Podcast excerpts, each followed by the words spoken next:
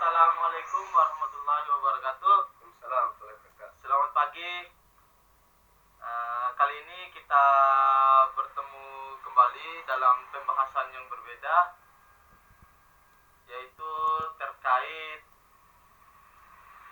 penelitian kualitatif, yang di mana penelitian kualitatif ini merupakan salah satu hal yang paling penting untuk diketahui oleh kita bersama, lebih khususnya teman-teman mahasiswa yang menempuh semester akhir.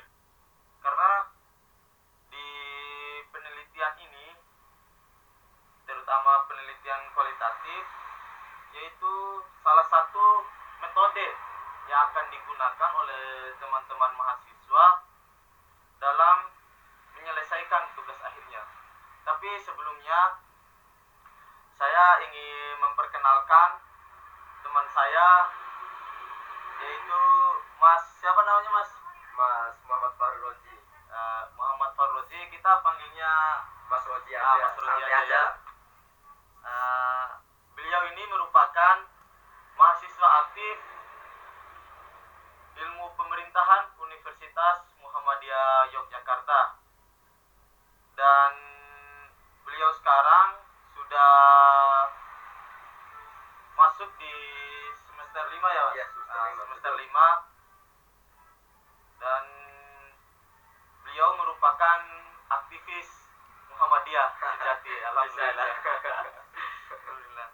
Dan di sini kita akan membahas terkait uh, metode-metode penelitian yang akan digunakan uh, oleh teman-teman semua lah, oleh teman-teman semua untuk menyelesaikan tugas akhir seperti yang saya bicarakan pertama, tapi kita membahasnya lebih condong ke penelitian kualitatif yang di mana eh, penelitian kualitatif ini eh, seperti tadi yaitu hal yang penting lah seperti itu ya teman-teman.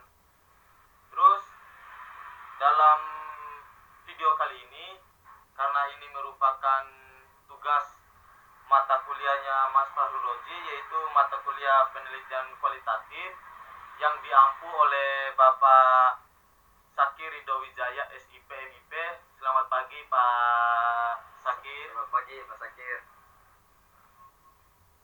Mungkin untuk mempercepat lah biar kita tidak mengulur-ulur waktu.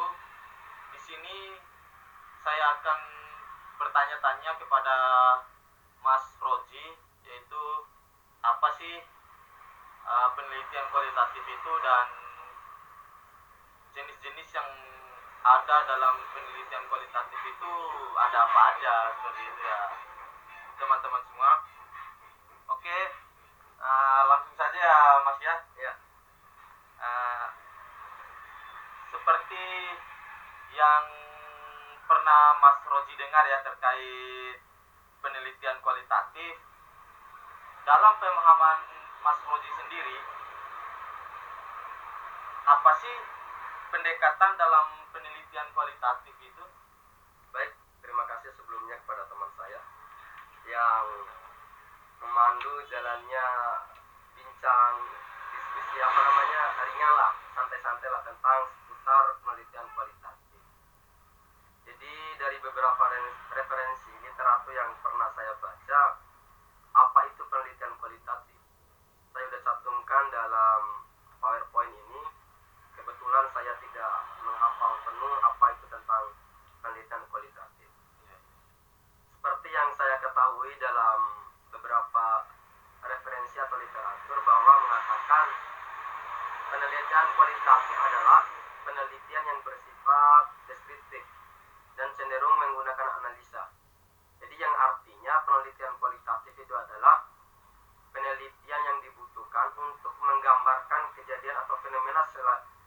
seluas-luasnya di lapangan.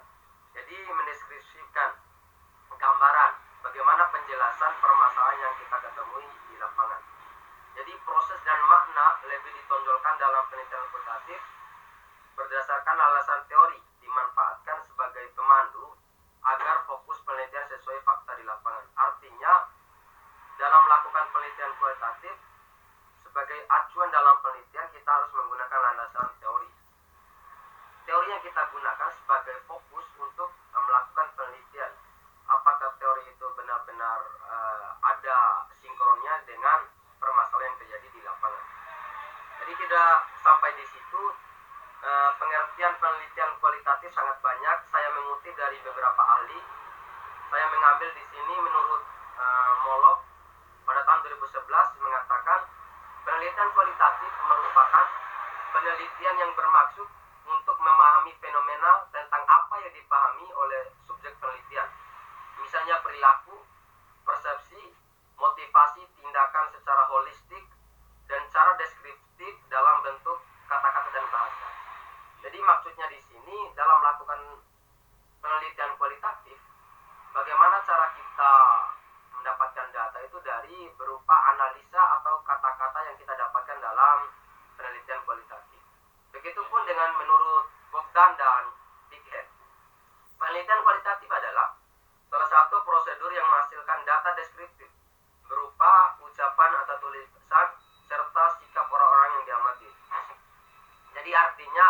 Dikatakan oleh Molok hampir sama dikatakan oleh Big Glenn dengan Moghan.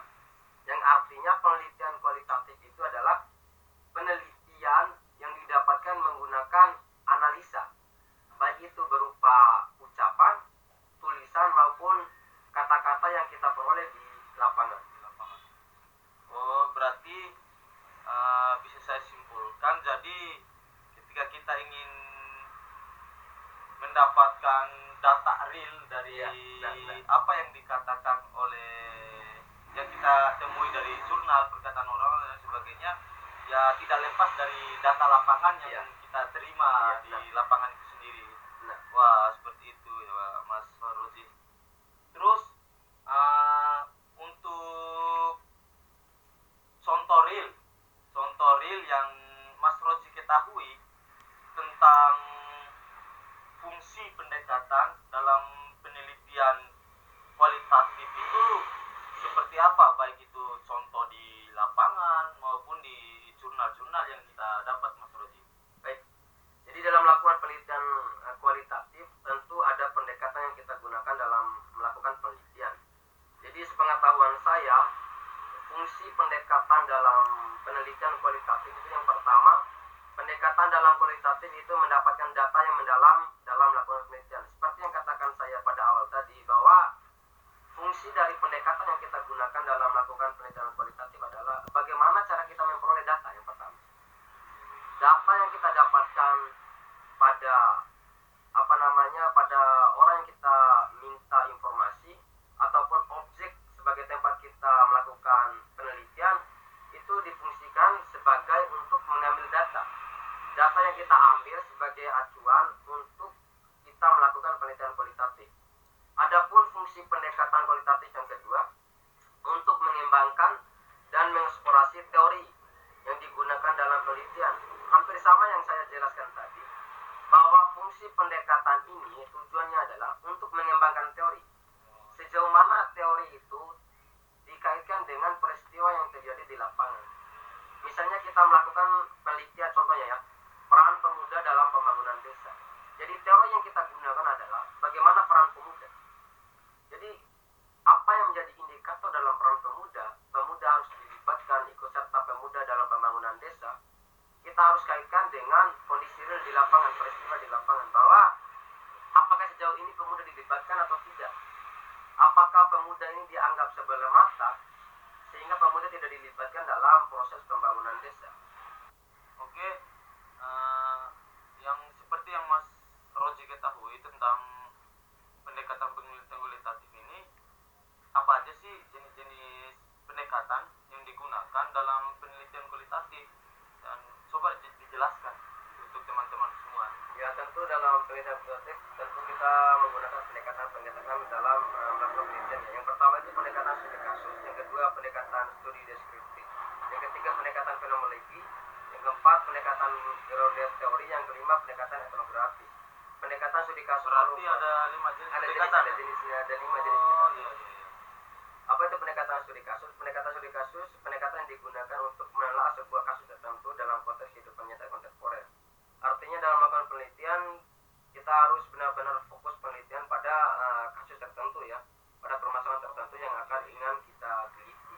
Yang kedua pendekatan deskriptif. Pendekatan ini merupakan pendekatan yang dilakukan untuk menjelaskan gejala peristiwa atau kejadian yang terjadi pada saat ini. Jadi pendekatan jenis ini sering digunakan oleh teman-teman kita pada mahasiswa ilmu pemerintahan eh, khususnya ilmu sosial ya di mahasiswa tingkat akhir. Jadi pendekatan ini pendekatan yang menggambarkan, menganalisa, mendeskripsikan jadi permasalahan sebenarnya terjadi di lapangan secara general, secara luas. Yang ketiga pendekatan fenomenologi.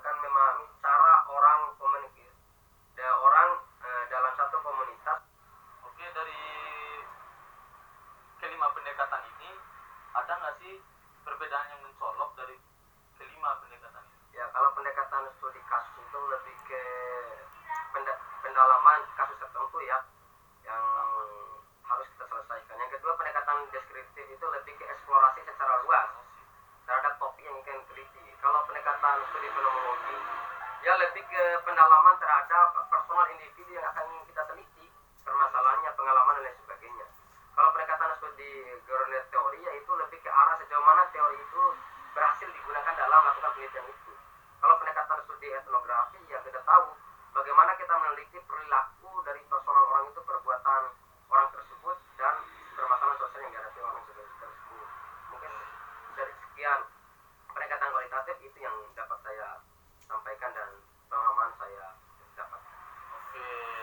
berarti uh, seperti itu ya teman-teman semua. Kalau dalam pendekatan dalam ilmu uh, mata kuliah yang diketahui oleh Mas Marwoji dalam penelitian kualitatif itu ada lima jenis pendekatan yang harus kita pahami bersama. Karena di lima jenis pendekatan ini memiliki perbedaan masing-masing dan itu sangat